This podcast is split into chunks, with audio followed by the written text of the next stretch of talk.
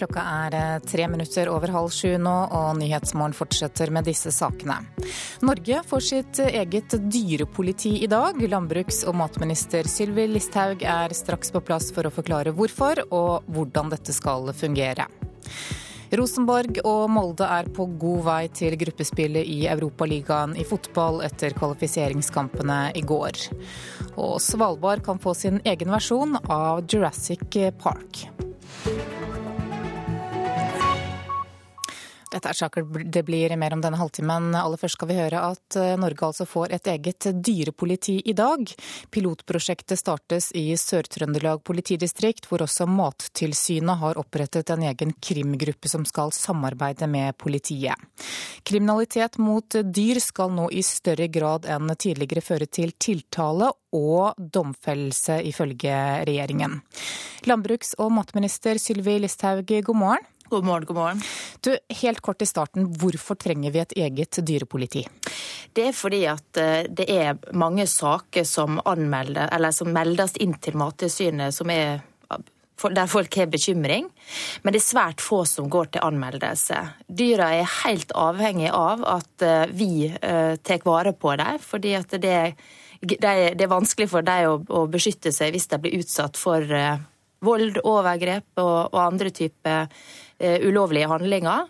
Og Derfor så er det så viktig at vi nå får på plass et dyrepoliti som skal bidra til å etterforske, til å eh, ta hånd om disse sakene, slik at eh, dyra våre kan få få det bedre framover. Og det vil jo ha en allmennpreventiv effekt også, der man ser det at hvis man er stygg med dyra sine, så ja, får det en konsekvens. Men hvorfor blir ikke dette gjort i stor nok grad i dag? Du sier at det ikke blir anmeldt nok saker, rett og slett? Ja, Det er jo sånn at det handler om bl.a. kompetanse. Det at politiet eh, har kompetanse på den type saker. Nå er det noen saker som går til anmeldelse, 38 i fjor. Men jeg tror at det er store mørketall, og derfor så er det viktig at vi nå får på plass et dyrepoliti som kan følge opp disse sakene. Og Dette er jo en sak som Fremskrittspartiet har kjempa for i veldig mange år, og som vi nå i regjering endelig får uh, satt i, i livet. Samtidig så hørte vi tidligere denne uken at det aldri har vært henlagt så mange saker med kjent gjerningsmann som i fjor. Hvorfor er et eget dyrepoliti noe dere prioriterer da? Nei, Det er fordi at det er viktig at vi skal ta vare på dyra våre. At vi eh, viser at eh, det skal straffe seg å begå kriminalitet mot dyr. Og så er det jo også sånn da at en del av det som utøver vold mot dyr, også vise seg å utøve vold mot mennesker. Så det å etterforske og ta de som, eh, som da bedriver kriminalitet mot dyr, kan også virke preventivt eh, når det gjelder mennesker. Eh, så dette her er også bra for oss som, som går på to bein. Hva slags kriminalitet er dere særlig ute på jakt etter å avdekke? Nei, Det er all type kriminalitet mot dyr. Vi vet at dyr blir utsatt for vold. Vi vet at dyr blir utsatt for overgrep. Eh, og jeg tror at det vi ser, det er bare toppen på isfjellet. Alle har et ansvar for å melde fra, og hvis noen er usikker på om dyr har det godt, eh, så eh, kan man gå inn på Mattilsynet sine sider. Der er det en varslingsknapp som man kan bruke for å melde fra om det, slik at Mattilsynet får muligheten til å undersøke nærmere. Da sier jeg lykke til, landbruks- og matminister Sylvi Listhaug. Miljøorganisasjonen Zero krever offentlig støtte for å bygge flere stasjoner for å fylle biogass på biler. Denne uken startet bygging av Nord-Europas største fabrikk for det CO2-frie drivstoffet biogass. Og nå vurderer Posten i Trøndelag å kjøpe klimavennlige varebiler som bruker biogass. Det sier seniorrådgiver Anders Stenseth i Posten i Midt-Norge. I Posten har vi over flere år nå jobba med å få redusert CO2-utslippene. Og eh, nå har vi kommet såpass langt at vi har erstatta eh, mange dieselkjøretøy med elektriske biler. Og eh, for å komme lenger med å redusere CO2-utslipp, så må vi finne andre løsninger for varebiler og lastebiler. Og da er jo biogass et alternativ som vi ser på som en mulighet. En ny, stor fabrikk bygges på Skogn og skal levere det flytende drivstoffet biogass. Derfor vurderer Posten å kjøpe nye varebiler i Trondheim som går på dette CO2-frie drivstoffet. I dag er det kun ti plasser der biogass kan fylles på tanken i Norge. Det er altfor lite, mener både miljøorganisasjonen Zero og Posten. Det betyr jo det at det er vanskelig å ta i bruk eh, biogass da, som drivstoff når det ikke er noen noe fyllestasjoner. Så det er jo en viktig forutsetning for i hele tatt å vurdere å ta i bruk biogass. Enova har de sju siste årene gitt hele 400 millioner kroner i støtte til ny produksjon av biogass i Norge, men har ingen støtteordning for å få bygd flere fyllestasjoner for biogass. Det er Zero kritisk til, sier fagansvarlig Kåre Gunnar Fløystad. Jeg håper de tar en uh, runde på det. Nå er det bare et halvt år siden de fikk transportansvaret. Men skal vi få ned utslippene i Norge, så må de være med og tilrettelegge den infrastrukturen som trengs. Det sa fagansvarlig i miljøorganisasjonen Zero, Kåre Gunnar Fløystad, til reporter Rita Kleven. I Kenya har 1770 mennesker omkommet i trafikken så langt i år, og det er en kraftig økning i forhold til samme tid i fjor. Mange av de omkomne er motorsykkelførere eller passasjerer. Og nå har to kenyanske gründerbrødre laget en oppfinnelse som kan gjøre det langt tryggere å være MC-fører eller passasjer.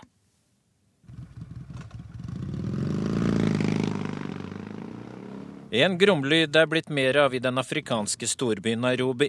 Mange er så lei av å ikke komme fram i trafikken i bil at de velger å kjøre motorsykkel.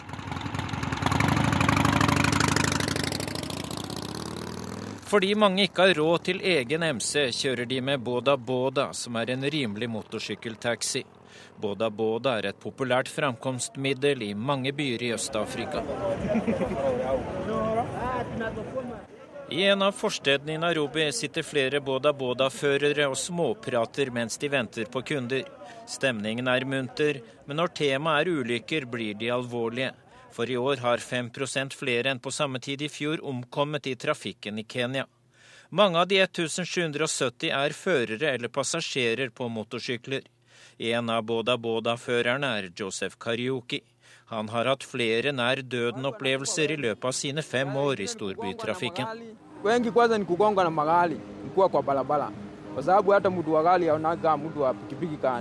De fleste bilførere viser ikke respekt for oss som kjører boda boda, sier den unge mannen engasjert. Han har en hjelm dekorert med det amerikanske flagget. På swahili forteller han at han kjenner til kolleger som har mistet livet i trafikken. Mange av ulykkene skyldes biler som kjører inn i motorsyklene bakfra.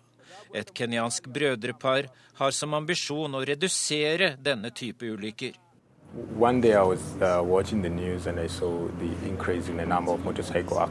en dag så jeg på nyhetene at MC-ulykker øker i omfang. Det gjorde inntrykk å høre at de har satt av en egen sengepost på et sykehus for MC-skadde. Det forteller gründeren Charles Muchene til nyhetsbyrået Associated Press. The statistics say that even hospitals have now dedicated wards det vil være avgjørende å få bremselys og blinklys opp i en høyde slik at de lettere blir sett av bilførere. And I thought of how can I do an impact in the society by reducing these accidents. So one of the ideas that came up is to increase the visibility of uh, an individual motorcyclist by just elevating their indication system. Mushene og broren har startet et lite firma som nå produserer MC-vester og jakker, der bremselys og blinklys er integrert i selve klesplagget. Lysene er plassert i skulderhøyde. So now put the indication system on the jacket, that elevates it, and as a motorist, you can now see the indication system clearly in case of braking or turning left or right. Han tar noen runder med en lett motorsykkel for å vise fram oppfinnelsen. Bremselys og blinklys ses på lang avstand. Charles Mucene stanser og viser hvordan det teknisk lar seg gjøre. Under setet ses ledninger til lysene, en sensor kobles til disse. Det er en trådløs forbindelse mellom sensoren og lysene på MC-vesten. Hvert år omkommer om lag 3000 kenyanere i trafikken. 10 000 havner på sykehus. Kenias svar på Trygg Trafikk roser gründerbrødrenes oppfinnsomme forsøk på å få ned det høye antallet døde og skadde. Og reporter her, det var Dag Bredvei. Da skal vi se hva avisene har på forsidene sine i dag. Aftenposten skriver at Riksadvokaten mener forvaringsdømte slipper ut for lett. Han vil ha strengere krav til prøveløslatelse. Retten ble advart mot å løslate Lars Harnes og Metzkel Betev. Nå er begge siktet for ny alvorlig kriminalitet. Fallet i oljeprisen er faktisk godt nytt for Statoil, det skriver Dagens Næringsliv. Samtidig med byggingen av gigantfeltet Johan Sverdrup i Nordsjøen, så kuttes prisene i hele oljeindustrien. Og det betyr at prisen på utbyggingen blir billigere. Ja, er ikke det godt eh, timet, sier Statoils direktør for Johan Sverdrup, Øyvind Reinertsen, til avisen. Dagsavisen forteller at én av seks arbeidstakere er redde for å miste jobben. 16 sier i en måling at de er redde for å bli permittert det neste året, eller å bli sagt opp i løpet av de tre neste årene. Nasjonen skriver at to av de største selskapene her i landet, nemlig Telenor og Hydro, ønsker flere investeringsavtaler med andre land. Dette er særlig viktig i u-landene, mener Telenor. Fosser mot Europa, det er overskriften i VG i dag. Og det handler om tre norske lag som gjorde det sterkt i kvalifiseringsrunden til høstens europaliga i fotball. Rosenborg vant 3-0 borte mot Stoja Bucuresti i kvalifiseringsrunden. Molde slo Standard Liège 2-0 hjemme, mens Odd først ledet 3-0 i kampen mot Borussia Dortmund. Kampen endte til slutt 3-4. Arbeiderpartinestor eh, Thorvald Stoltenberg mener at Siv Jensen og Erna Solberg har valgt en farlig strategi. Han sier til Dagbladet at regjeringens statsbudsjett eh, førte til en politisk oppvåkning. Jeg mener det var godt at Siv og Erna viste sitt sanne ansikt så tidlig, sier Stoltenberg. Vårt Land forteller om 25 år gamle Natalie Simensen som var tvangsinnlagt i to år etter at hun opplevde at læreren mobbet henne. I over 200 timer lå hun spent fast i belteseng. Nå har hun skrevet bok om opplevelsene. Og Finansavisen skriver at det har vært en brennhet start på bolighøsten. Skal vi ha sport, og det skal eh, ikke uventet handle om eh, kvalifiseringen til Europaligaen. Mange gledet seg over sterk norsk eh, innsats i går. Rosenborg og Molde er nå på god vei til gruppespillet, og Rosenborgs trener Kåre Ingebrigtsen var lettet etter storseier 3-0 borte mot Stoja Bucuresti på bortebane.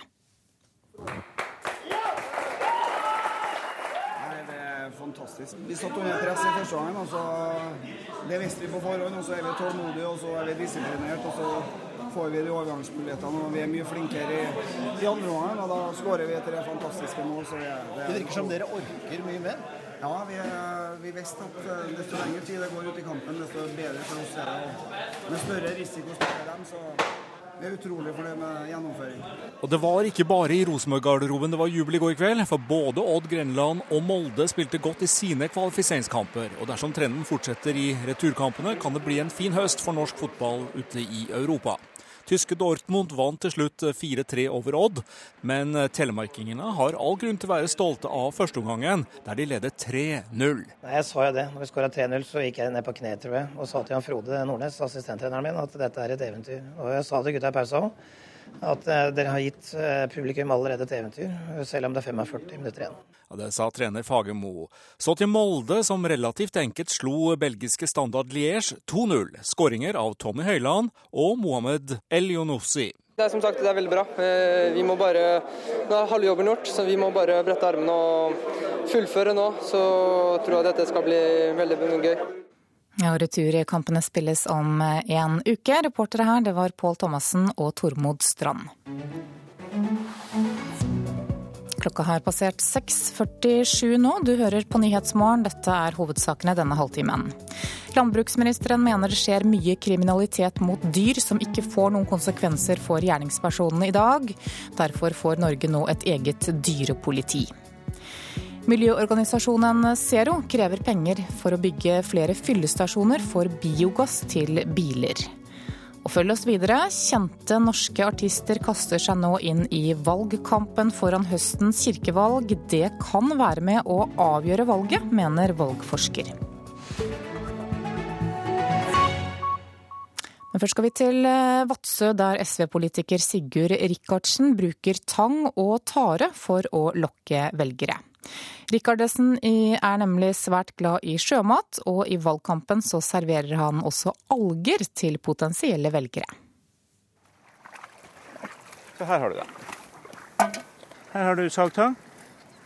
Og så sitter sølen i, i festet på, på, den. Og de her er jo ikke så store, men de her er jo veldig fine å spise. Akkurat her er jo kjempefine å spise. Søl er altså ikke oljesøl eller noen annen forurensning, men en type rødalge som vokser i fjæra. I glansede magasiner blir dette omtalt som supermat, og du kan kjøpe den på Amazon for 700 kroner kiloen. I Vadsø er det tre meter forskjell på flo og fjære, så vi kan gå ut på lavvann og plukke så mye vi gidder. Det er helt trygt, forsikrer Rikardsen. Ingen av algene vi har er, er giftig eller skadelig. Det er klart det er jo ikke noe genistrek å drive på å plukke fra en kreosotstokk. Men, eh, men, eh, i fjæra sånn som her, og hele Finnmarkskysten, så er det jo Barentshavet som kommer inn. Så her er det ingen problem. Rikardsen er også aktiv i lokalpolitikken, og da Vadsø SV hadde stand forleden, presenterte han sin hjemmelagde fiskesuppe for velgerne. Selleri, eh, rødalge, makrell, torsk, litt grann laks. Høyremann Hermod Larsen lot seg friste av suppa til sine politiske motstandere. Nei, det her er jo uh, absolutt uh, gourmet. Men du vet hva det der er? Den der, nei, det, det er vel tang og tare. Eller tare, går jeg ut ifra. ja, men Er du vant til å spise tang? Nei, det er jeg ikke. Det går vi til sauen. Eh, for det visstnok ga det noen vitaminer. Responsen på tang i suppa varierte fra litt avmålt til stor begeistring. Er det fjæratang det her? Fra fjæra? Er det tang det der? Nei, det der er purreløk. Det var jo en underlig smak egentlig, men um, den, den um, Vi får si at den er god, tross alt. Vi er ikke vant til å spise tang her. Nei. Jeg har jo både sett på TV-en og hørt at de bruker tang. De heter fjæretang, men jeg har aldri gjort det før. Men det var ikke noe usmak. Overhodet ikke. Den var god. Tanga var god. Jeg har ikke spist tang før, men eh, det var godt. Så man prøver å finne den rødtangen, og så prøve tang i suppa senere. Det var godt med tang i suppa. Ja. Sigurd Rikardsen serverte også fritert tang. Det hørtes sånn ut. Oi, overraskende. Og den friterte tanga hørte vi bare én mening om. Kjempegodt. Det var kjempenydelig. Og så mye mat som finnes rett ut i fjæra. Ja. ja. Kjempespennende det her. Ja, reporter her, det var Knut Sverre Horn. Flere kjente norske artister og skuespillere kaster seg inn i valgkampen foran høstens kirkevalg. Bjørn Eidsvåg, Linn Skåber og Ingrid Olava er noen av dem som driver valgkamp med albumet Fabler om en åpen kirke. Og kjendisenes hjertesak er at kirken må åpne for vielse av par med samme kjønn.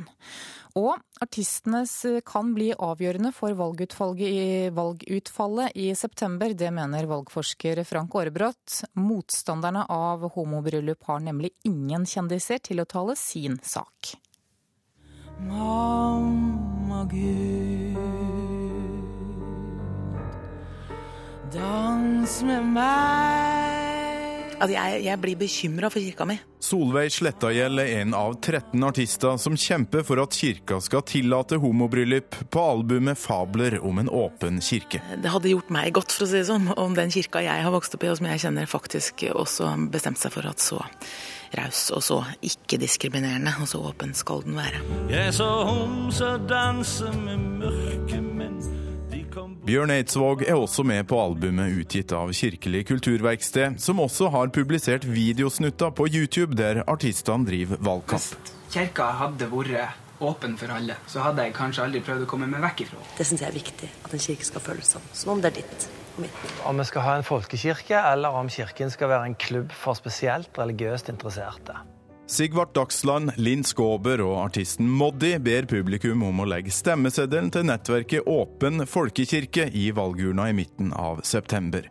Motstander Levende folkekirke, som mener ekteskapet tilhører mann og kvinne, synes retorikken til artistene blir for enkel. Mye av det er propaganda. Det er så overfladisk, det som skjer nå, at man bare snakker om at også to av samme kjønn må få gifte seg i kirken. Men det er bare toppen av isfjellet. Nettverket Levende folkekirke har ikke prøvd å få til en CD-utgivelse i valgkampen. Talsperson Øyvind Benestad tror det finnes artister som er enige med dem, men at ingen tør å stå fram. Et potensielt demokratisk problem. Jeg hadde senest i dag en telefon, ikke fra en artist, men fra en engasjert kristen som eh, er med i en menighet her i området. Og hun sa at jeg, jeg tør ikke å si hva jeg mener, for da er jeg så redd for å bli utstøtt og kanskje til og med få trusler. Og det er altså en som er med i en kristen sammenheng.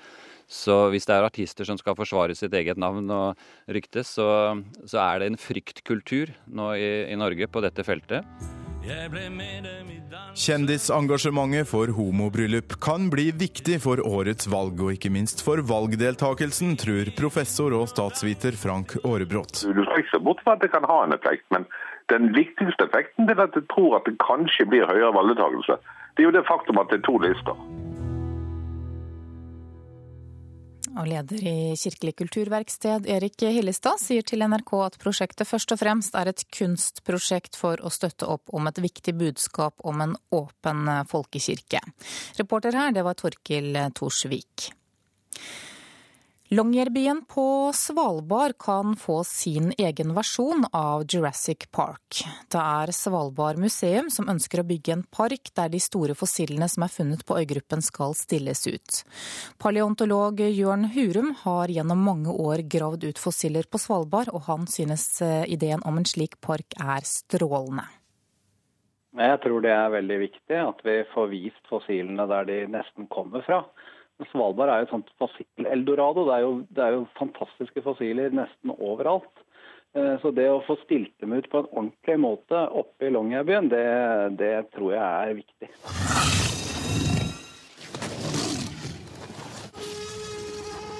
Den blir kanskje ikke like spektakulær som parken vi så i Steven Spielberg-filmen 'Jurassic Park' fra 1993, men kanskje ikke så langt unna. De siste årene er det nemlig gravd ut store mengder fossiler på Svalbard, enkelte med en lengde på nesten 15 meter. Men Svalbard mangler lokaler for utstilling og preparering av fossilene.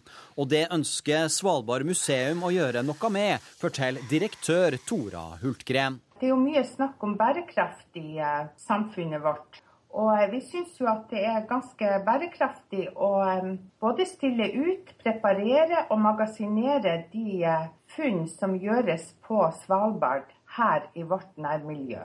Paleontolog Jørn Hurum ved Universitetet i Oslo har gjennom mange år gravd ut fossiler på Svalbard. Blant annet fant han ei 13 meter lang havøgle som levde på Svalbard for 147 millioner år siden. Et Svalbard litt annerledes enn i dag. Ja, da måtte du holde pusten, eh, for Svalbard var da havbånd. Eh, hele Svalbard var eh, bare en gjørmete, litt mørk havbunn med sånn 100-200 meter hav over. Og der svømte det øgler og masse blekkspruter rundt i havet over. Og Innimellom så døde de jo, og da sank de til bunns og blei begravd i gjørma og ble til fine fossiler. Ideen er å bygge en stor glasskuppel som lyser opp i mørketida, og som turistene legger merke til under innflygning til Longyearbyen. Her skal de fossile øglene stilles ut og prepareres. Vi ser for oss et laboratorium i, i glass, sånn at publikum kan gå forbi, stå på utsida og se hvordan en eh, konservator arbeider for å rekonstruere disse dyr som ingen har sett tidligere. Arbeidstittelen på prosjektet er altså Jurassic Park, og er nå til budsjettbehandling hos Norsk kulturråd. Høyt opp og langt fram til tross, Tora Hultgren er optimist. Det kommer til å bli dyrt, men jeg tror det er verdt hver ei krone. Ja, reporter her, det var Rune Nordkår Andreassen. Da skal vi se på et værvarsel som gjelder til midnatt. Fjellet i Sør-Norge, sørlig bris, økning til frisk utsatte steder. Periodevis noe skyet sør for Hardangervidda, ellers pent vær. Østlandet etter hvert sørlig bris og lettskyet vær. Telemark og Agder sørøstlig bris, opp i frisk bris på kysten vest for Lindesnes. Tidlig på dagen lokal tåke i dalførene, ellers lettskyet vær. Rogaland sørøstlig bris. Liten kuling utsatte steder. Periodevis stiv kuling på kysten. Delvis skyet oppholdsvær. Periodevis pent vær i indre strøk. Sent i kveld litt regn i ytre strøk. Hordaland og Sogn og Fjordane sørøstlig bris. Frisk bris utsatte steder. I ettermiddag sørlig liten og kan hende stiv kuling ytterst på kysten. Delvis skyet opphold, periodevis pent vær i indre strøk. Sent i kveld litt regn i ytre strøk. Møre og Romsdal skiftende bris, sørøstlig frisk bris i utsatte fjordstrøk og pent vær. Trøndelag skiftende bris og pent vær. Nordland skiftende bris. På kysten i nord kan hende lokal tåke, ellers pent vær. Troms skiftende bris. I ytre strøk kan hende lokal tåke og pent vær ellers. Finnmark skiftende bris, av og til vestlig frisk bris på kysten. I indre strøk pent vær, ellers eh, delvis skyet opphold og mulighet for tåke på kysten. Og på Nordensjøland på Spitsbergen er det ventet nordvestlig bris. I kveld skiftende opphold og en del sol. Så tar vi med temperaturene som ble målt klokka fem. Da hadde Svalbard lufthavn fem grader, Kirkenes tolv, Alta åtte, Tromsø ni, Bodø tolv, Brønnøysund elleve, Trondheim 16, Molde 11, Bergen 16, Stavanger 17, Kristiansand 13, Gardermoen og Lillehammer 9, Røros 8 og Oslo-Blindern 11 grader.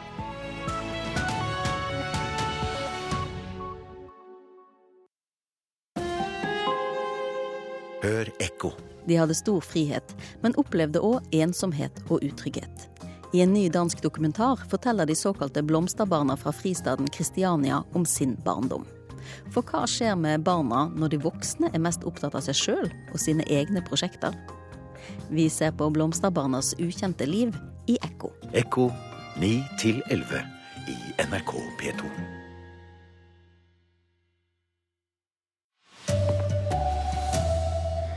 Distriktene vil dø ut, frykter Senterpartiet. 200 000 flere innbyggere er venta til Oslo innen 2040. I dag får Norge et eget dyrepoliti. Her er NRK Dagsnytt, klokka er sju. Byene våre vokser. Aldri før har vi flytta så mye som vi gjorde i 2014. Bare i Oslo er innbyggertallet venta å nå 800 000 før 2040. Det viser prognoser fra Statistisk sentralbyrå. Også Bergen og Stavanger kan vente seg en kraftig vekst dersom prognosene slår til. I Oslo har byrådet regnet seg fram til at vi kommer til å trenge 120 000 nye boliger i framtida.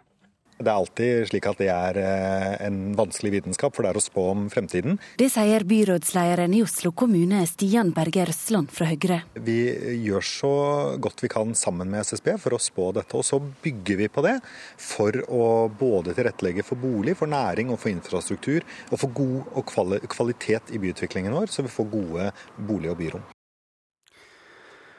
Ja, det sa mm, Stian Berger-Røsland, reporter Ann Irén Finstad. Nesten hver sjette norske arbeidstaker frykter å stå uten jobb. De frykter de vil bli permittert eller miste jobben i nær framtid, ifølge en undersøkelse Responsanalyse har gjort for Fafo. Det skriver Dagsavisen i dag. Forskningssjef i Fafo, Sissel Trygstad, viser til at oljeprisen faller, og sier det er en usikkerhet i arbeidsmarkedet. Nord-Koreas leder Kim Jong-un har satt hæren i krigsberedskap. Årsaken er den spente situasjonen i området mot Sør-Korea. I går ble det skutt med artilleri mellom de to landene. Nord-Korea fulgte opp eh, artilleriskytingen med et ultimatum som ga Sør-Korea 48 timer til å demontere høyttalerne som sender propaganda over grensa. I dag får Norge et eget dyrepoliti. Pilotprosjektet startes i Sør-Trøndelag politidistrikt. Der har Mattilsynet oppretta en egen krimgruppe som skal samarbeide med politiet. Kriminalitet mot dyr skal nå i større grad enn tidligere føre til tiltale og domfellelse, sier landbruks- og matminister Sylvi Listhaug. Vi vet at dyr blir utsatt for vold, vi vet at dyr blir utsatt for overgrep. Eh, og jeg tror at det vi ser, det er bare toppen på isfjellet.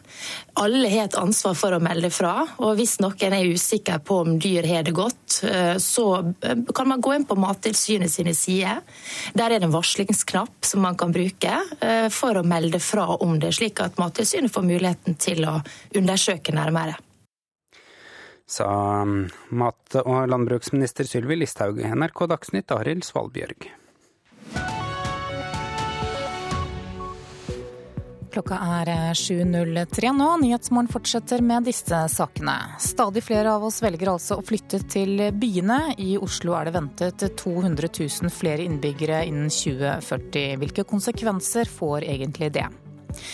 Trafikkulykker der ungdom er involvert, fører i halvparten av tilfellene til at ungdommer mister livet eller blir kritisk skadd. Og Nord-Koreas leder setter hæren langs grensen til Sør-Korea i krigsberedskap.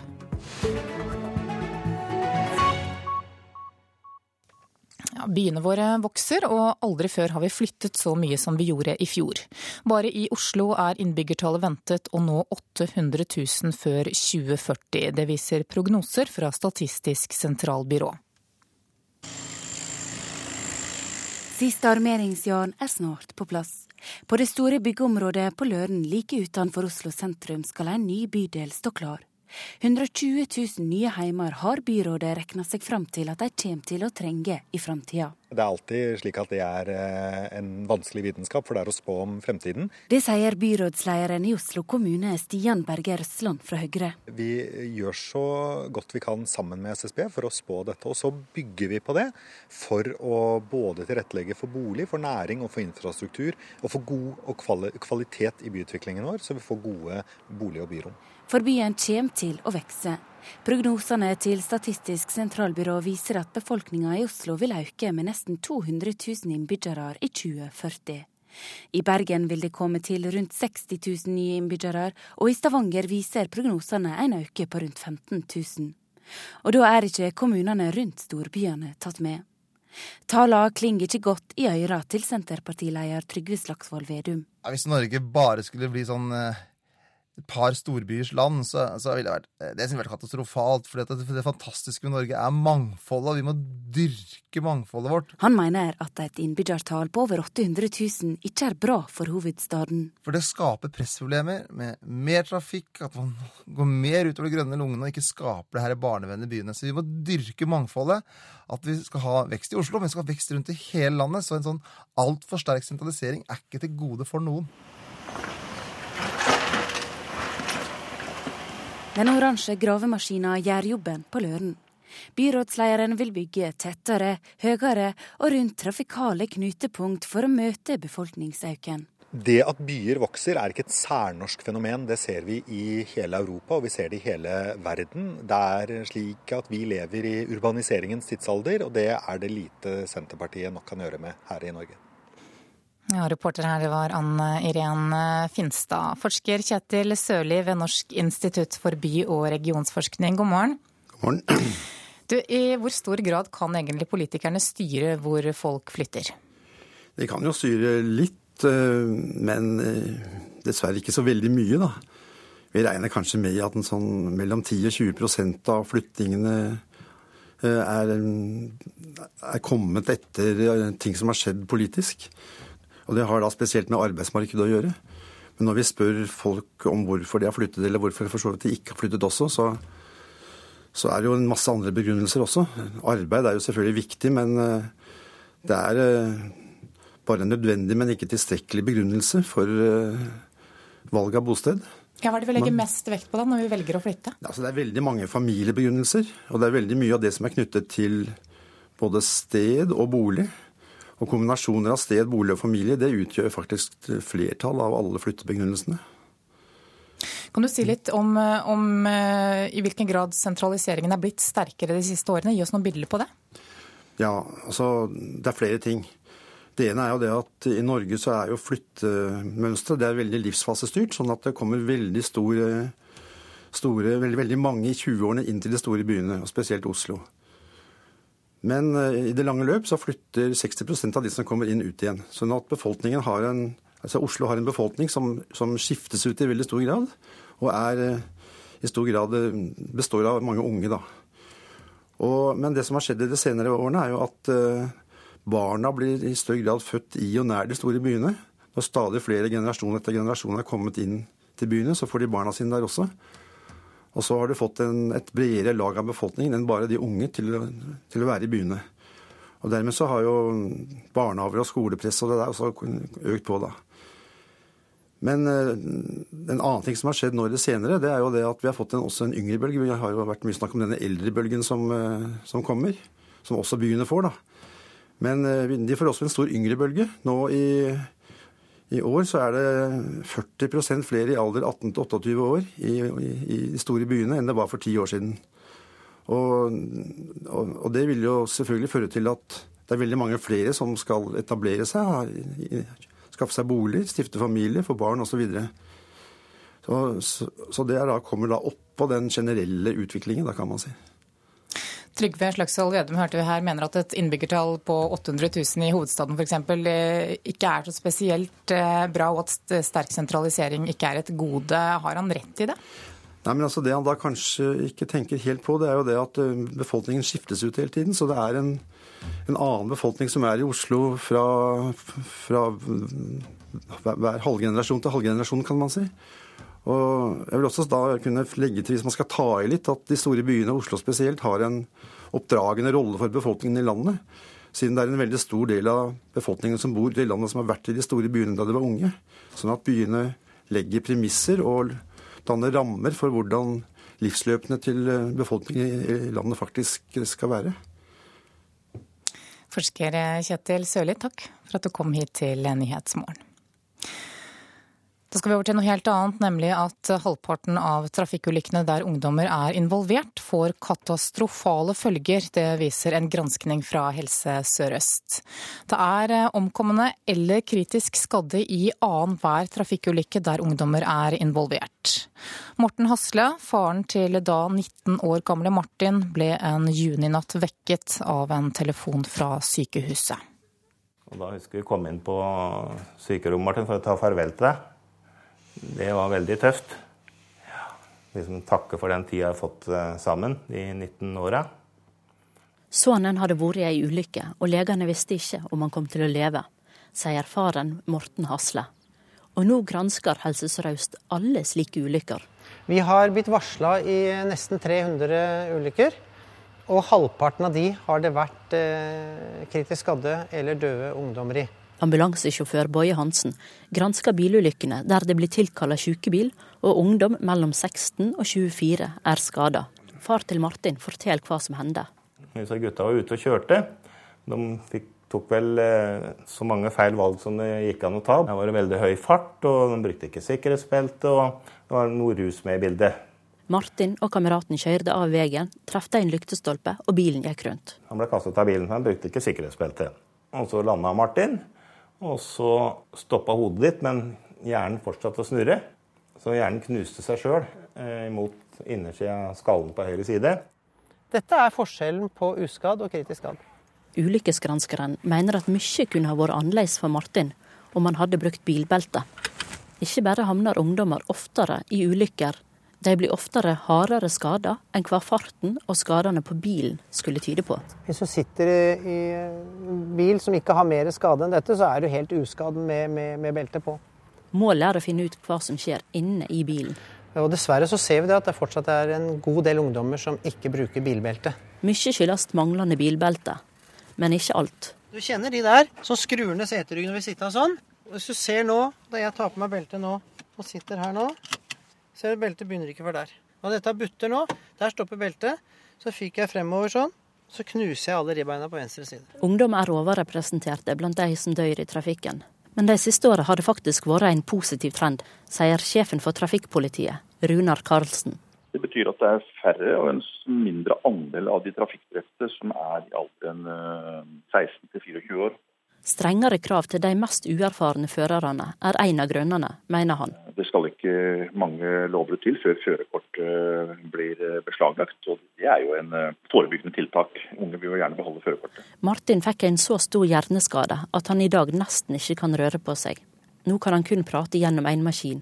Og å formulere denne bønna til andre unge i trafikken tok han 18 minutter. Brukt sikkerhetsbelte. Ja, reporter her, det var eh, Julia Loge. Forsker Dagfinn Moe ved Sintef, eh, velkommen. Ja, takk for det. Du har forsket på ungdoms atferd i trafikken. Hva er det som gjør at eh, flere av dem velger å kjøre fort og å droppe bilbeltet? Ja, For det første så kan du si at det å kjøre fort er en fascinerende opplevelse for mange. Her snakker vi om det vi bare må erkjenne, at mennesket er nysgjerrig. De liker å gjøre ting, få til ting. Og bilen er jo nærmest kan du si, en Guds gave til mannen. vet du. En teknologi som bare fascinerer noe skikkelig. Men det er ikke alle som er like fascinert av det. Og sånn som her var nevnt, når det kombineres da med dårlig sikring i bilen, eksempelvis bilbelte, og kombinasjon med drugs, da har vi de høyeste risikofaktorene samla. Går det an å si noe om hvilke ungdommer dette gjelder? Ja, vi har jo gjort studier nærmest i 30 år på dette her. Eh, men du kan si at eh, i prinsippet så kan jo hvem som helst ha denne fascinasjonen for, eh, for bil. For det er jo slik at vi er opptatt av forskjellige ting, og noen suges da mot bilen, det å mestre bilen, fascinasjonen, gleden. Og så har du det sosialiserende også i det, at du har andre som liker det samme. Og så har du både organiserte og uorganiserte miljøer rundt dette her. Noen, noen sparker fotball, ikke sant? Noen syns bil er fascinerende. Og så hører vi her at uh, tallet på omkomne ungdommer i trafikken går ned. Betyr det at, um, at, flere kjører mer forsiktig nå? Du kan si det slik. Eh, det har litt med også det dere hadde av det forrige innslaget, om at man flytter inn til byer også, hvor behovet for å ha bil ikke er på samme måte hvis du bor på distriktet. Men eh, dette her henger sammen med også at de fleste har jo førerkortet for transport. Og dess mer du kjører, dess, dess bedre blir du til å kjøre. Men så er det disse som har disse tilleggsmotivene. Det at bil i seg sjøl altså har en fascinasjon, som teknologi, mestring, fart osv. Det er her du får de primære risikotakerne. Dere som forsker på dette her, hva har dere funnet ut om uh, hva vi kan gjøre for å endre holdningene da, til de som har størst behov for å ta ut følelsene sine gjennom nettopp bilkjøring? Ja, så Dette er ikke bare et spørsmål om, om holdning, egentlig. Det er mye djupere enn som så. Holdning er gjerne en konsekvens av, av, av djupere og mer omfattende ting. Men vi har jo i hvert fall de siste årene hatt et forsøk hvor vi har samla det vi mener er de beste måtene å prøve å nå fram til de mest risikoutsatte på. Eh, det er jo ikke noe for alle, men vi har truffet godt, vi, med et tiltak som heter Rett på målgruppen. Ja, hva er det? Det er en kombinasjon av mange Det er seks samlinger som går over et halvt år, og hvor vi da aktiviserer ungdom i diskusjoner om eksempelvis dødsulykker. De er på begravelsesbyrå, de får se hvordan brann og redning eh, kan du si, fungerer. De kjører på bane for å oppleve hvordan en god og en dårlig bil fungerer, og de kjører på landeveistur med profesjonelle lærere. Summen av dette her gjør at de begynner å endre på tenkninga si og det vi kaller for selvregulering. Forsker Dagfinn Moe fra Sintef, takk for at du var med her i Nyhetsmorgen og delte dine erfaringer. Klokka er 7.16 nå. Du hører på Nyhetsmorgen, og dette er hovedsakene våre. Distriktene kommer til å dø ut dersom prognosene slår til, frykter Senterpartiet. Det er ventet 200 000 flere innbyggere til Oslo innen 2040. Landbruksministeren mener at det skjer mye kriminalitet mot dyr som ikke får noen konsekvenser for gjerningspersonene. I dag får Norge et eget dyrepoliti. Og følg oss videre. EU og USA forhandler om en ny handelsavtale, men i Europa så er mange skeptiske.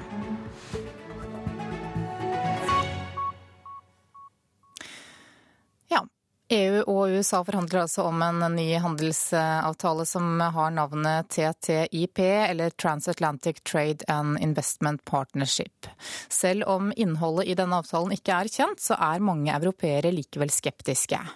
Årsaken til dette er at partene forhandler om en klausul der selskaper kan saksøke stater. Et eksempel på det er et canadisk gruveselskap som saksøker den rumenske staten for store pengesummer.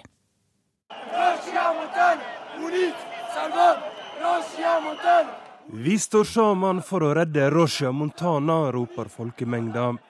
Sjelden har noe skapt folkelig engasjement i Romania som den omstridte gullgruva. Det er kanskje den største gullåra i Europa.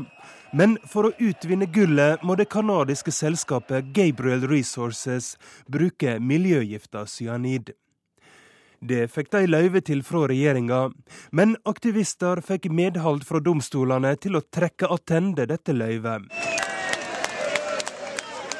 Canada og Romania har en bilateral handelsavtale som åpner for søksmål. På bakgrunn av dette saksøker nå gruveselskapet den rumenske staten for kontraktsbrudd. Ingen veit for hvor mye, men aktivist Roxana Pencia sier at direktøren tidligere har sagt han vil kreve fire milliarder dollar. This amount is 2% of Romania's GDP and three times the for uh.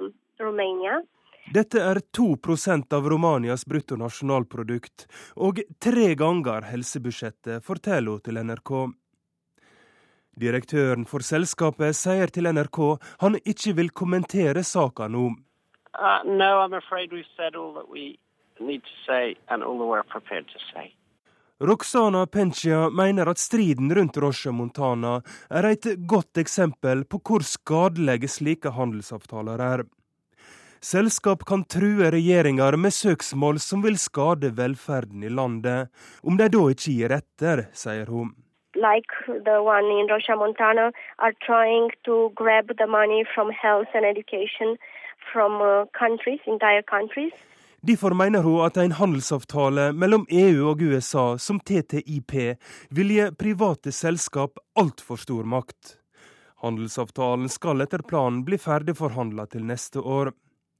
Innholdet i avtalen er ikke kjent, men trolig vil den åpne for at selskap kan saksøke stater. So uh,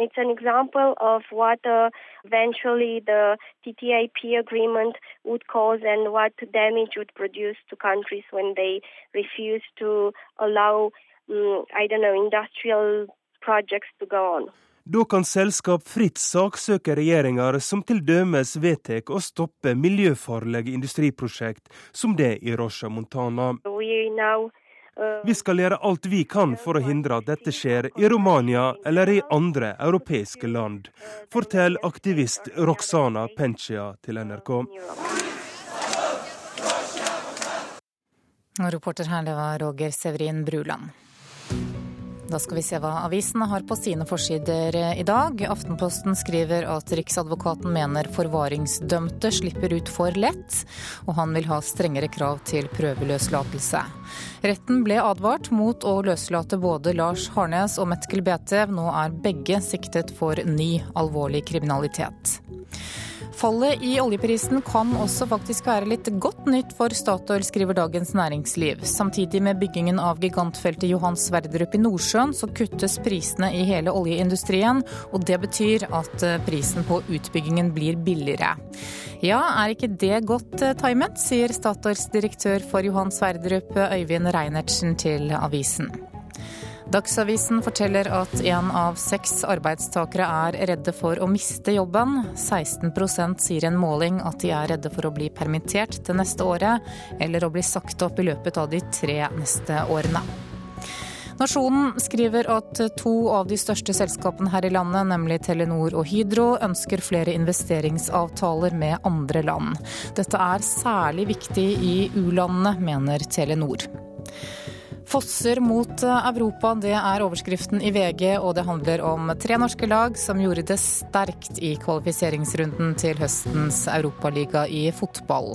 Rosenborg vant 3-0 borte mot Stoja Bucuresti i kvalifiseringsrunden. Molde slo Standard Liège 2-0 hjemme, mens Odd først ledet 3-0 i kampen mot Borussia Dortmund. Kampen endte til slutt 3-4.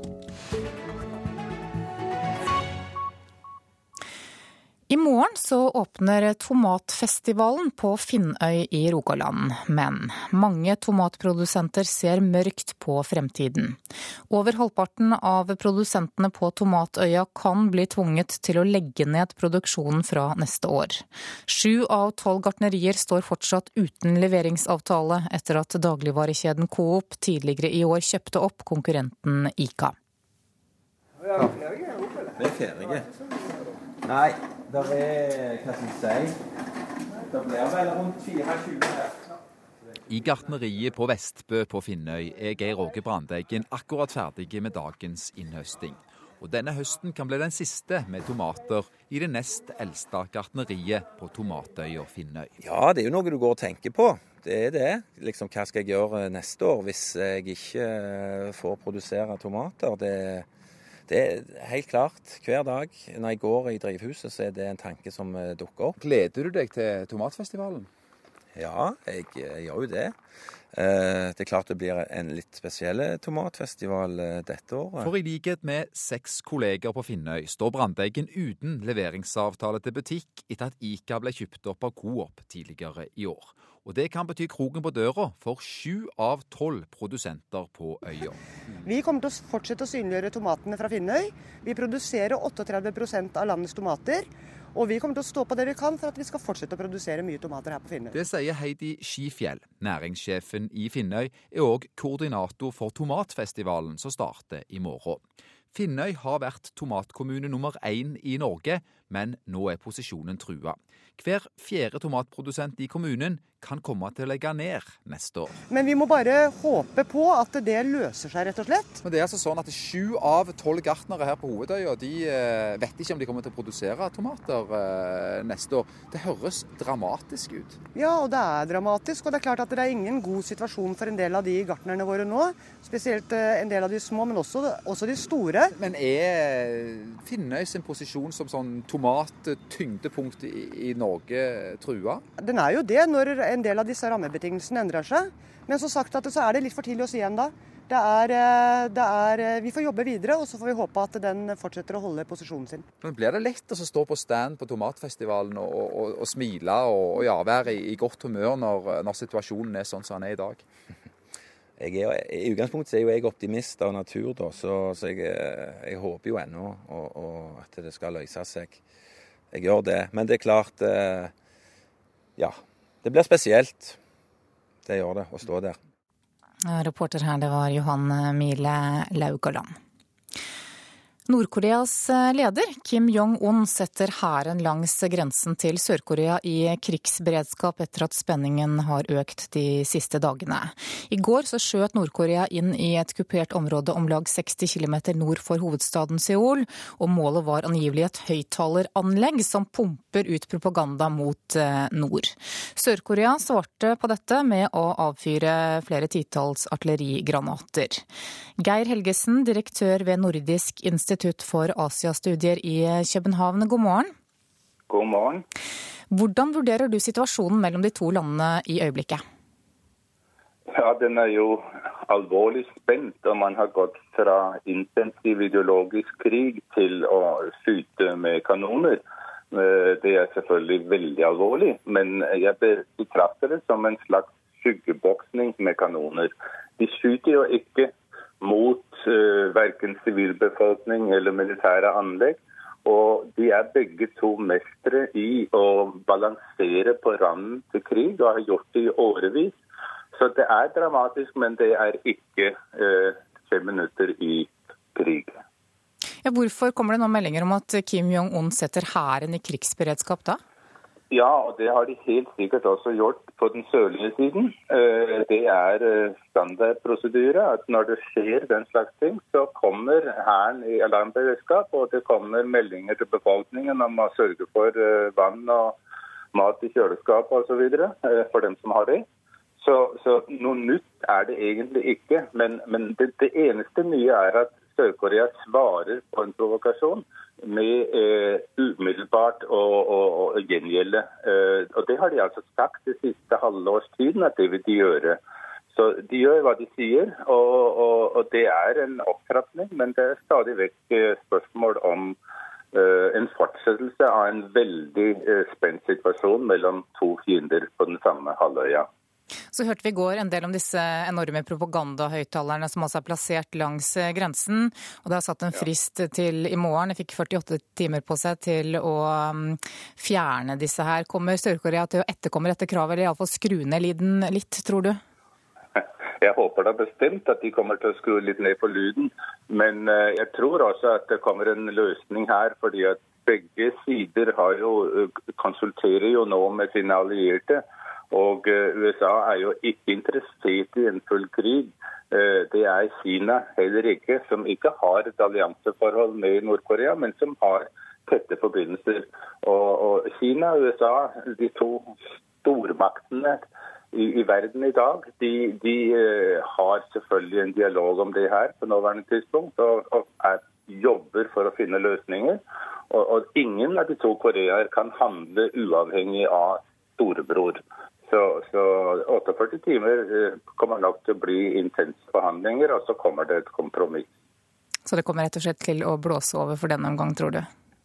Jeg er ganske overbevist om det. Eh, men, men, det er ubehagelig. Og det kan minne omverdenen om at vi har et område som er så, så sprengfullt med militær og så, så, så betent eh, ideologisk at eh, vi burde jo overveie hva vi, hva vi, kan gjøre for å hindre at det her fortsetter. Altså 60 års spenning, det kan jo også skje at det kommer en feilkalkulering på den ene eller den andre siden, eller det er tekniske feil som gjør at man starter noe som ligner en krig. Og, og, hvis man gjør det, så kan det være vanskelig å stoppe. Så man bør ta det som en veldig alvorlig advarsel. Du, Det må vi snakke mer om en annen morgen. Nå er nærme klokka seg 7.30 og Dagsnytt. Takk for at du var med, Geir Helgesen, direktør ved Nordisk institutt for Asiastudier i eh, København. Produsent for Nyhetsmorgen i dag, det er Marte Morte Halsør. Og her i studio, Anne Jetlund Hansen.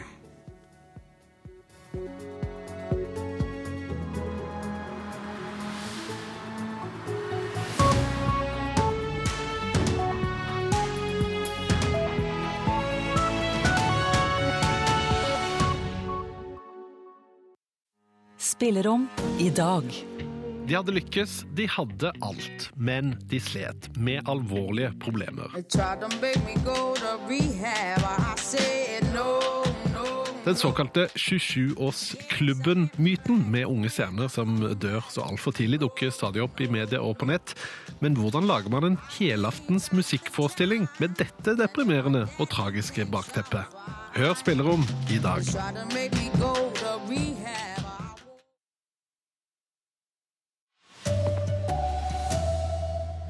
Byene i Norge vokser med rekordfart. Flere av de farligste kriminelle må bli sittende lenger i fengsel, mener Riksadvokaten. Og tre norske lag skåret åtte mål i Europacupen i fotball i går kveld. Her er NRK Dagsnytt klokka 7.30. Byene våre vokser, og aldri før har vi flytta så mye som vi gjorde i fjor. Bare i Oslo er innbyggertallet venta å nå 800 000 før 2040. Det viser prognoser fra Statistisk sentralbyrå. Senterpartileder Trygve Slagsvold Vedum mener det vil være katastrofalt om Norge bare blir storbyer. Siste armeringsjern er snart på plass. På det store byggeområdet på Løren like utenfor Oslo sentrum skal en ny bydel stå klar. 120 000 nye heimer har byrådet regna seg fram til at de kommer til å trenge i framtida. Det er alltid slik at det er eh, en vanskelig vitenskap, for det er å spå om fremtiden. Det sier byrådslederen i Oslo kommune, Stian Berge Røsland fra Høyre. Og så bygger vi på det for å både tilrettelegge for bolig, for næring og for infrastruktur. Prognosene til Statistisk sentralbyrå viser at befolkninga i Oslo vil øke med nesten 200 000 innbyggere i 2040. I Bergen vil det komme til rundt 60 000 nye innbyggere, og i Stavanger viser prognosene en økning på rundt 15 000.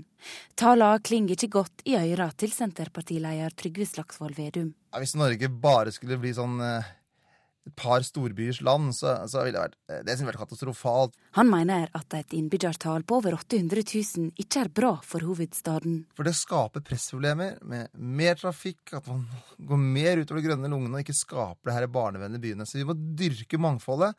At vi skal ha vekst i Oslo, men vi skal ha vekst rundt i hele landet. Den oransje gravemaskina gjør jobben på Løren.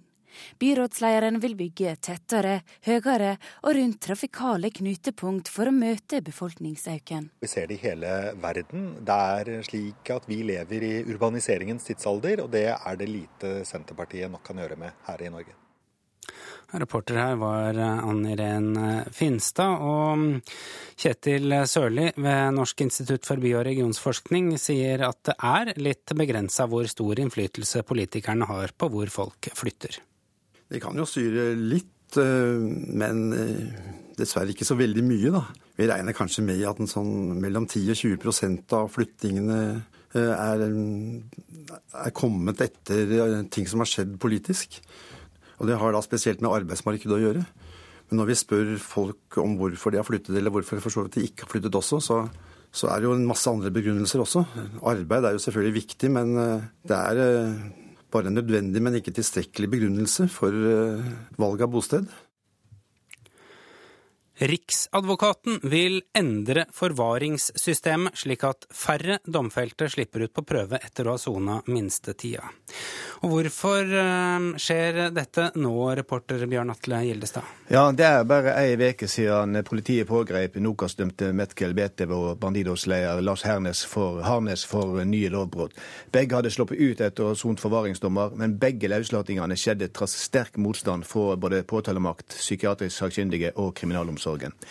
Siden forvaring ble innført som tidsubestemt straffereaksjon, har 67 forvaringsdømte blitt prøveløslatt. I 44 av disse sakene var dette mot tilrådingene fra påtalemakta eller kriminalomsorgen. I dag kan domstolene bare si nei til prøveløslating dersom det er nærliggende fare for nye alvorlige lovbrudd. Og førstestatsadvokat Reidar Brusgaard hos Riksadvokaten sier til Aftenposten i dag at påtalemakta har store problemer med å dokumentere at forvaringsdømte fremdeles utgjør en stor fare for samfunnet. Han mener derfor at lova må endres, og at det blir stilt langt strengere krav til de farligste kriminelle før de får slippe ut av fengsel. Er det flere som mener det samme som Riksadvokaten? Forskningsleder Berit Johnsen i Kriminalomsorgens utdanningssenter ser at de to siste sakene viser hvor sterk posisjon domstolene har. Og statssekretær Vidar Brein Karlsen i Justisdepartementet mener det er urovekkende at domstolene er usamde med påtalemakta og sakkyndige i mange av sakene. Og flere andre politikere gir uttrykk for at forvaringsinstituttet bør gjennomgås på nytt. Takk, Bjørn Atle Gildestad. Halvparten av trafikkulykkene med ungdommer får katastrofale følger. Det er et av funnene i Helse Sør-Østs ulykkesgranskning. I annenhver trafikkulykke der ungdommer er involvert, blir én eller flere av de unge alvorlig skadde eller drept. Ei juninatt da sønnen var 19, ble faren, Morten Hasle, vekket av en telefon fra sykehuset. Og da husker vi kom inn på sykerommet Martin, for å ta farvel til deg. Det var veldig tøft. Liksom Takke for den tida jeg har fått sammen, de 19 åra. Sønnen hadde vært i ei ulykke, og legene visste ikke om han kom til å leve, sier faren Morten Hasle. Ungdom er overrepresenterte blant de som dør i trafikken. Og nå gransker Helse Sør-Øst alle slike ulykker. Vi har blitt varsla i nesten 300 ulykker. Og halvparten av de har det vært eh, kritisk skadde eller døde ungdommer i. Ambulansesjåfør Boje Hansen gransker bilulykkene der det blir tilkalla sykebil, og ungdom mellom 16 og 24 er skada. Far til Martin forteller hva som hendte. Disse gutta var ute og kjørte. De fikk, tok vel eh, så mange feil valg som det gikk an å ta. Det var veldig høy fart, og de brukte ikke sikkerhetsbelte, og det var noe rus med i bildet. Martin og kameraten kjørte av veien, traff en lyktestolpe, og bilen gikk rundt. Han ble kastet av bilen, han brukte ikke sikkerhetsbelte. Dette er forskjellen på uskadd og kritisk skadd. Ulykkesgranskeren mener at mye kunne ha vært annerledes for Martin om han hadde brukt bilbelte. Martin fikk en så stor hjerneskade at han i dag nesten ikke kan røre på seg. Ikke bare havner ungdommer oftere i ulykker, de blir oftere hardere skada enn hva farten og skadene på bilen skulle tyde på. Målet er å finne ut hva som skjer inne i bilen. Og Dessverre så ser vi det at det fortsatt er en god del ungdommer som ikke bruker bilbelte. De siste åra har det vært en noe positiv utvikling der færre unge blir drept i trafikken. Reporter Julia Loge. Nord-Koreas leder Kim Jong-un har satt hæren i krigsberedskap. Årsaken er den spente situasjonen i området mot Sør-Korea. I går ble det skutt med artilleri mellom de to landene. Nord-Korea fulgte opp eh, artilleriskytingen med et ultimatum som ga Sør-Korea 48 timer til å demontere høyttalerne som sender propaganda over grensa. Hvis ikke truer Nord-Korea med militær gjengjeldelse. Debatten om homobryllup i kirka vil føre til større deltakelse i kirkevalget enn tidligere. Det tror leder i Landsforeningen for lesbiske og homofile, Bård Nylund. I går kveld ble vigsel av homofile debattert under Skeive sørlandsdager i Kristiansand foran en fullsatt sal. For første gang stilles det to lister til kirkevalget. Jeg tror at kirkevalget i år vil eh, vise oss at flere går til valgurnene. Jeg opplever at veldig mange er opptatt av dette kirkevalget som ikke har vært opptatt av det før. Veldig mange jeg kjenner sier at de skal gå til urnene for første gang, og veldig mange tar kontakt med oss for å finne ut av hvem de skal stemme på, slik at vi kan lage en kirke som er åpen for alle, og som vil være i tråd med det jeg tror er flertallet av de 3,8 millioner medlemmer i Den norske kirke sitt syn. Sterk eh, norsk innsats i europaligakvalifiseringen i fotball i går. Rosenborg og Molde er på vei mot eh, gruppespillet. Rosenborgs trener Kåre Ingebrigtsen var letta etter storseier 3-0 borte mot Stoja Bucuresti på bortebane. Nei, Det er fantastisk. Vi satt under press i første gangen. Altså, det visste vi på forhånd. og Så er vi tålmodige og så er vi disiplinert. og så får vi de overgangsmulighetene. og Vi er mye flinkere i, i andre omgang, og da skårer vi tre fantastiske mål. Så det, det, det virker som dere orker mye mer? Ja, vi, vi visste at eh, desto lengre tid det går ut i kampen, desto bedre for oss er det. Og med større risiko for dem, så vi er utrolig for det med gjennomføring. Og det var ikke bare i Rosenborg-garderoben det var jubel i går kveld, for både Odd Grenland og Molde spilte godt i sine kvalifiseringskamper. Og dersom trenden fortsetter i returkampene, kan det bli en fin høst for norsk fotball ute i Europa. Tyske Dortmund vant til slutt 4-3 over Odd, men telemarkingene har all grunn til å være stolte av førsteomgangen, der de leder 3-0. Jeg sa jo det. Når vi skåra 3-0, så gikk jeg ned på kne tror jeg, og sa til Jan Frode Nordnes, assistenttreneren min, at dette er et eventyr. Og jeg sa til gutta i pausa òg at eh, dere har gitt eh, publikum allerede et eventyr, selv om det er 45 minutter igjen. Ja, det sa trener Fagermo. Så til Molde, som relativt enkelt slo belgiske Standard Liège 2-0. Skåringer av Tommy Høiland og Mohammed El Yonossi. Det er som sagt det er veldig bra. Eh, vi må bare, Nå er halve jobben gjort, så vi må bare brette armene og fullføre nå. Så tror jeg dette skal bli veldig gøy. Returkampene spilles om ei uke. Reportere Pål Thomassen og Tormod Strand. Ansvarlig for Dagsnytt i dag, Elin Pettersen. Teknisk ansvarlig Hans Ole Hummelvold. I studio Arild Svalbjørg.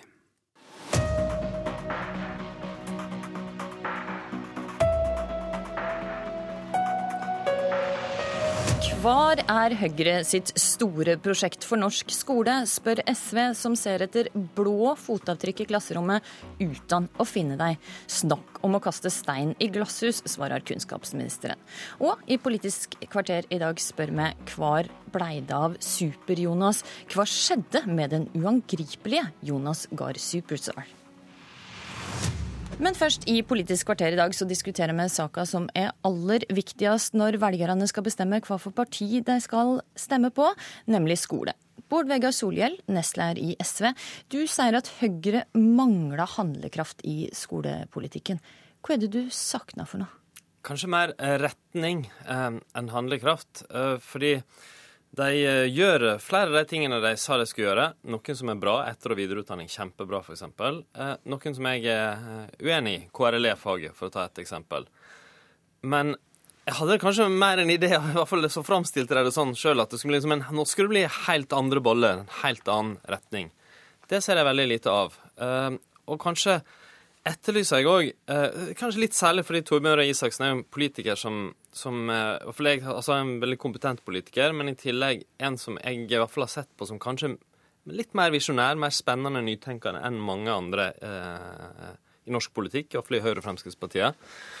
Og skolen står nå i en situasjon der det er en god del store endringer i samfunnet som vi trenger å ta mer hensyn til i skolen. Og hvis jeg får lov til å gi et par eksempler på det. Okay. Skoledagen vår er fortsatt veldig lik det den var for mange tiår siden i måten den er organisert på. Mens vi har fått et, en revolusjon i barnehagene, en fullstendig endring. Vi har fått skolefritidsordninger et helt nytt sted. Så vi fortsatt en skoledag på ca. Ja, det er veldig forskjeller, men ca. 4,5 timer. Mens vi egentlig hadde trengt å gjøre den mer tilpassa det moderne familie- og arbeidsliv. En annen ting Helseut, I forrige århundre så tok, eh, så tok skolen inn over seg helseutfordringer på tannhelse, store vaksinasjonsprogrammer. Nå står vi i en folkehelseutfordring som dreier seg om stillesitting og kosthold, og en som dreier seg om psykisk helse. Ungdom drikker og røyker mindre, stor vekst i psykiske lidelser.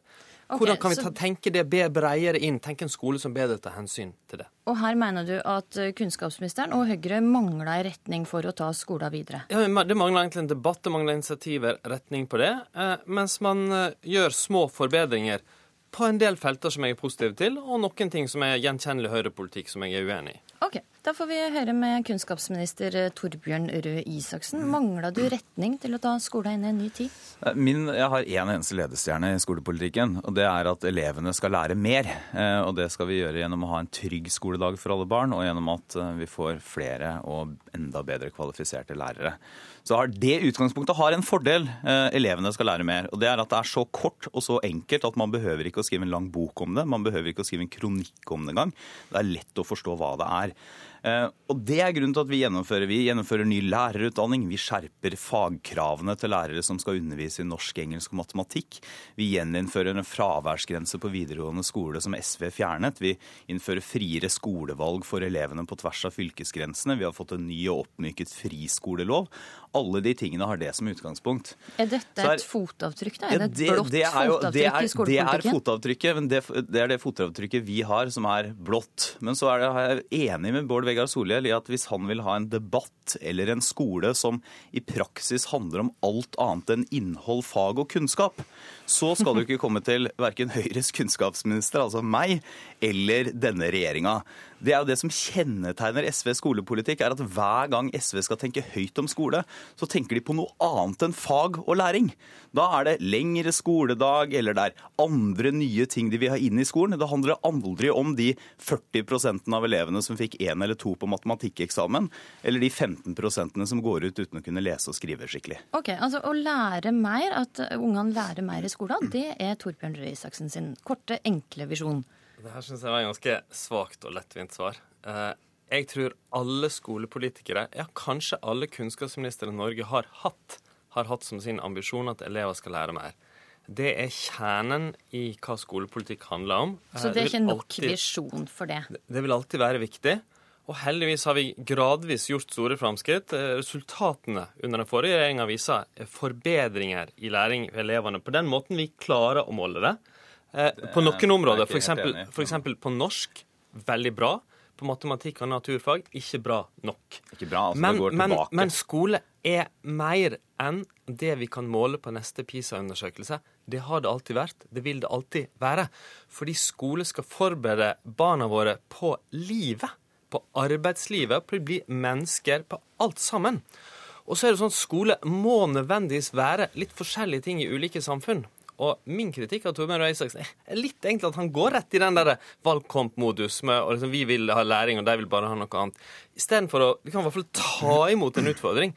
Er, mener du virkelig at folkehelse er fullstendig forsvinnende uviktig i skolen? Nei, okay. Mener du at, mener du at heller skole, det å tenke en annen skole, er jeg, jeg, jeg, jeg mener ikke at folkehelse eller psykisk helse er uviktig på noe som helst måte i skolen. Jeg mener at det er viktig i skolen. Men eh, jeg, har litt sånn følelsen av og til at, at eh, altså dette blir like abstrakt og vanskelig å få grep om som veldig mye annet av SVs skolepolitikk.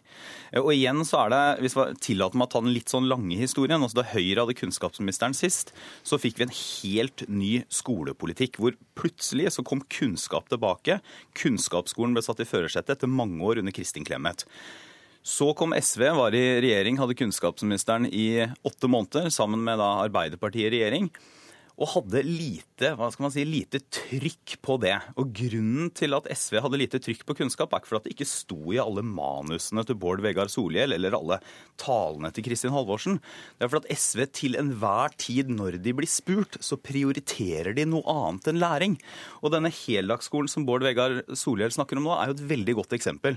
Det er jo ikke en heldagsskole med flere timer med faglærere og fag. Nei, det er at barna skal være lenger på skolen, og så skal mye av det være en slags halvveisskole. Altså skolefritidsordning som er obligatorisk. Det er ikke bra for læring, det er ikke bra for å uh, minke de sosiale forskjellene, og det har heller ingenting med å styrke kunnskapsskolen å gjøre. Det her er rett og slett valgkampretorikk. De åra vi satt i regjering det, det, det året, La meg få snakke mer enn tre sekunder. De åra vi satt i regjering, så fikk du eh, kraftig forsterka lese- og skriveopplæring de første trinna. Vi fikk innføring av leksehjelp, vi fikk valgfag i ungdomsskolen, vi fikk en satsing mot frafall i videregående og en rekke andre løft, en ny lærerutdanning osv. Og, så og resultatene, særlig i det ekstremt viktige faget norsk og lesing og skriving, ble gradvis bedre. Eh, sannsynligvis hjelp òg av ting som skjedde før. Forhåpentligvis vil det fortsette i den retning nå.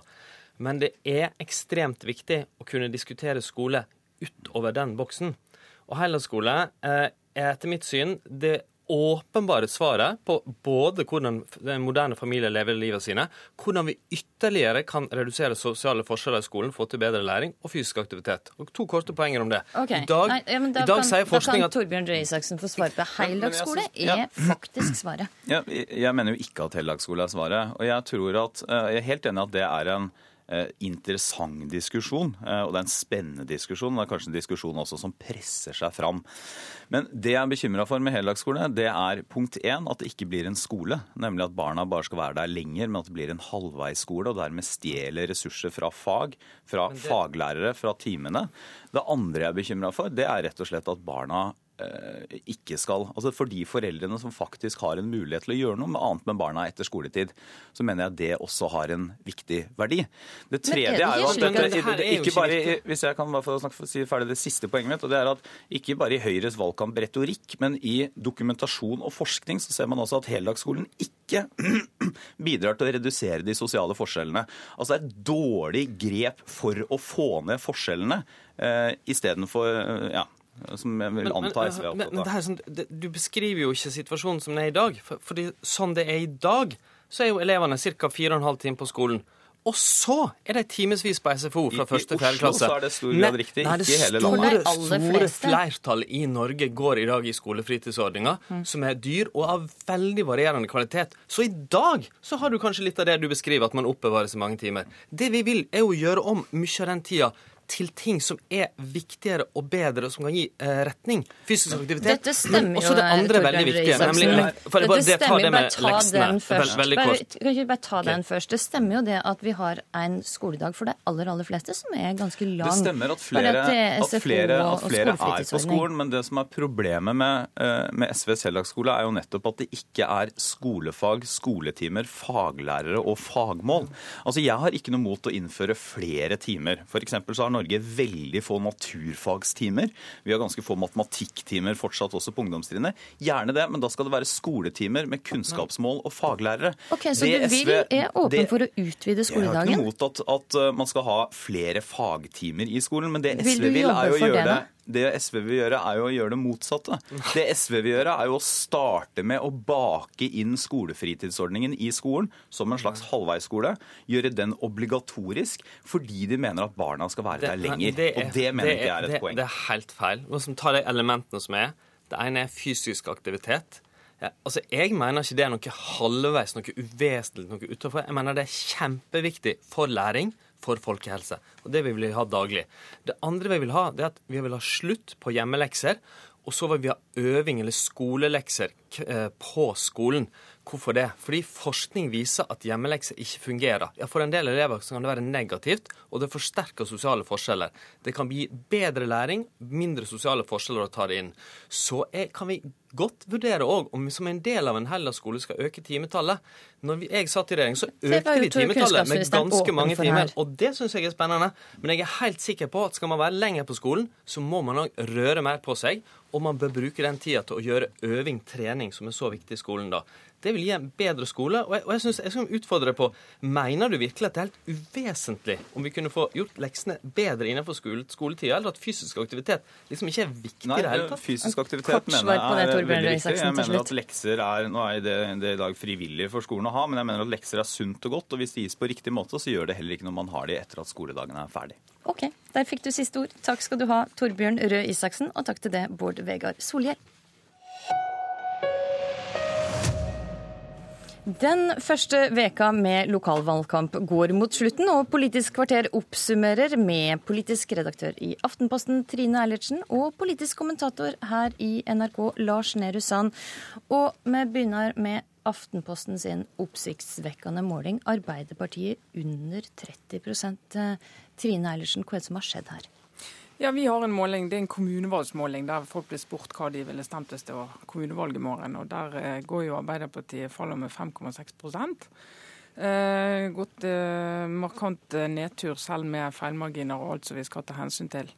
Eh, og Da lurer vi alle på. og Den er tatt opp mandag, tirsdag, onsdag denne uken. Så de har fått med seg helgen, har fått med seg debatten om Støres debattevner, har fått med seg partilederdebatten. Og Det virker jo da som en slags tilbakemelding fra velgerne på valgkampstarten til Arbeiderpartiet, som de da har gjort de litt i tvil, for de har gått rett til gjerdet. De har ikke gått til et annet parti, de har gått til gjerdet. Så eh, Arbeiderpartiet har ikke mista noen stemmer til andre partier? Nei, ikke, ikke, noe å snakke om. altså. Det, det, det, er så lite at de har nok bare satt seg for å se det an litt. Se om det tar seg opp. Eh, se om eh, kanskje partiet blir tydeligere på en del politikkområder. For eh, Diskusjonen om Arbeiderpartiet og kommunereform har ikke vært bra for Arbeiderpartiet. Der fremstår de som uklare og med flere budskap, og det blir velgere oppgitt av. Men Er dette velgere som det kan være lett å hente tilbake igjen for Arbeiderpartiet? Det skal jo være det, siden de da ikke går tilbake. Vi ser jo f.eks. at SV ikke får en eneste velger tilbake. Og vi vet jo at en god del av Arbeiderpartiet sin eh, økning blant velgerne kommer jo fra SV. Men de, ingen av de som har gått tilbake til eh, sitt gamle parti, så de sitter jo og venter. Så Arbeiderpartiet har jo et par-tre uker på seg da, til å hente de tilbake. Men nå må det være mer overbevisende enn denne valgkampstarten har vært. Så det, det er håp for de. Det er håp, eh, men trenden er den samme. Lars Nehru Sand, også på flere lokale målinger så går det ikke helt veien for Arbeiderpartiet? Nei, vi har eh, i NRK samarbeid med en del lokalaviser i Nord-Norge målinger i Bodø, Narvik, Rana, hvor Arbeiderpartiet går tilbake med mellom 5,5 og 6,5 eh, prosentpoeng. I Troms og Harstad går det noe bedre. Det gjør det jo også i Trondheim, hvor Ap ser ut til å gjøre det godt. Men det er klart det er en start for et Arbeiderparti som skulle vinne alt nord for Dovre. Eh, som ikke går eh, som planlagt, får en si. Altså, En gang så blei Støre kalla for Super-Jonas og Jonas Gahr Superstar. Hvor har det blitt av han, eh, Lars Nehru Sand? Ja, Det er jo ikke så lenge siden det, og det er som Eilertsen har vært inne på, en veldig uklar og litt famlende start på lokalvalgkampen. Først med, med debatten om kommunesammenslåing, så om eh, hans debattstil og, og, hvordan han fremstår i eh, kanskje spesielt i møte med, med en rutinert statsminister Solberg. Men så skal vi òg huske på at han nå ikke flyter på det som kanskje var det mest mobiliserende for Ap, nemlig et regjeringssamarbeid som virkelig ikke fungerte. Og nå når vi snakker om lokalpolitikk, så er ikke samarbeidsproblemer eller avstand mellom Frp og KrF f.eks. like fremtredende som det har vært. Vi ser også at eh, Arbeiderpartiet ikke mobiliserer så mye fra velgere som ikke stemte verken i, enten i 2013 eller 2011. Det gjør at Arbeiderpartiet ikke lenger eh, ser 40-tallet. Eh, og det er nok en mer edruelig eh, nivå man ligger på når de ligger på rett over 30. Men det er klart dagens måling på, på 29-tallet er dårlig for Arbeiderpartiet, som bør oppnå et valgresultat mellom 30 og 35. Mm. Er det også problem internt i Arbeiderpartiet nå?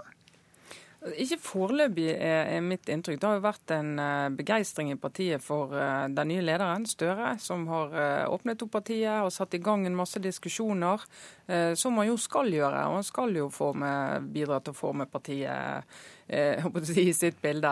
Eh, og gi flere nye folk eh, sjansen til å både bidra og, og markere seg. Men det er klart at det, baksiden av det om du vil, det er at partiet er jo ikke helt klar da, når de kommer i, i valgkamp. Det er ikke klare budskap, det er ikke klare, klare alternativer til, til den sittende makten. Og i en kommunevalgkamp der du skal egentlig komme ut og overbevise i hver eneste kommune i Norge. Så hvis det blir litt tvil om, om du har noen eh, klare alternativ eh, til den eh, makten som allerede sitter der, så, så blir folk i tvil, altså.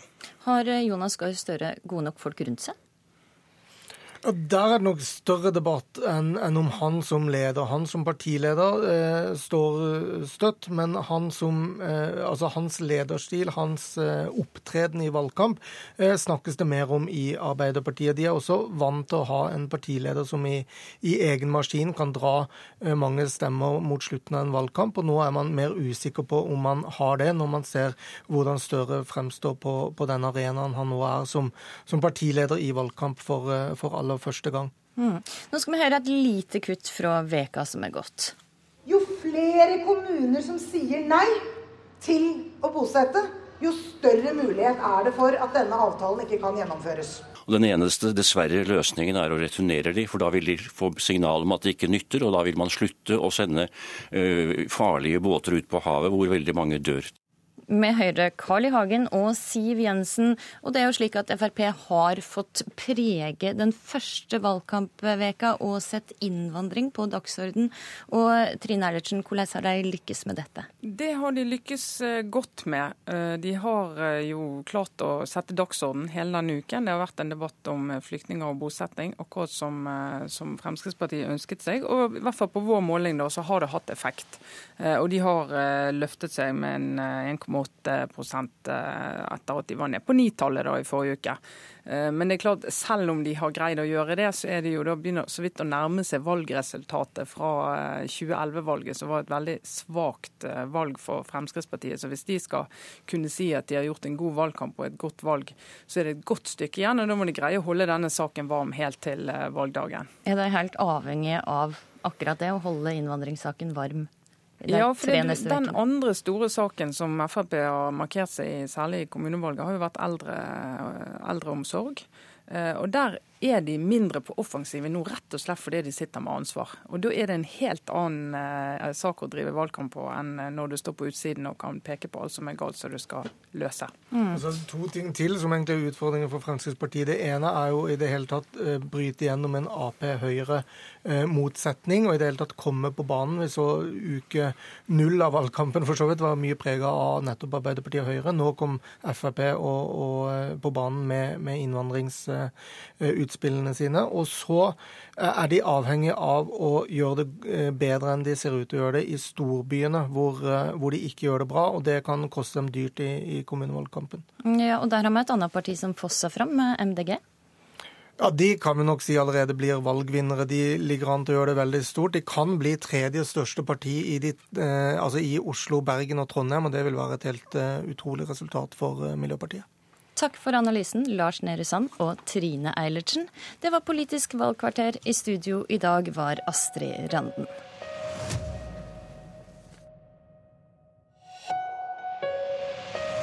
Butikkene i Ålesund bør være åpne på søndager. Loppa må tilby ungdom sommerjobber i kommunen. Det er feil å bruke penger på en ny kunstgressbane i Hoff. Hvilket parti deler ditt syn? Ta partitesten på nrk.no valgomat.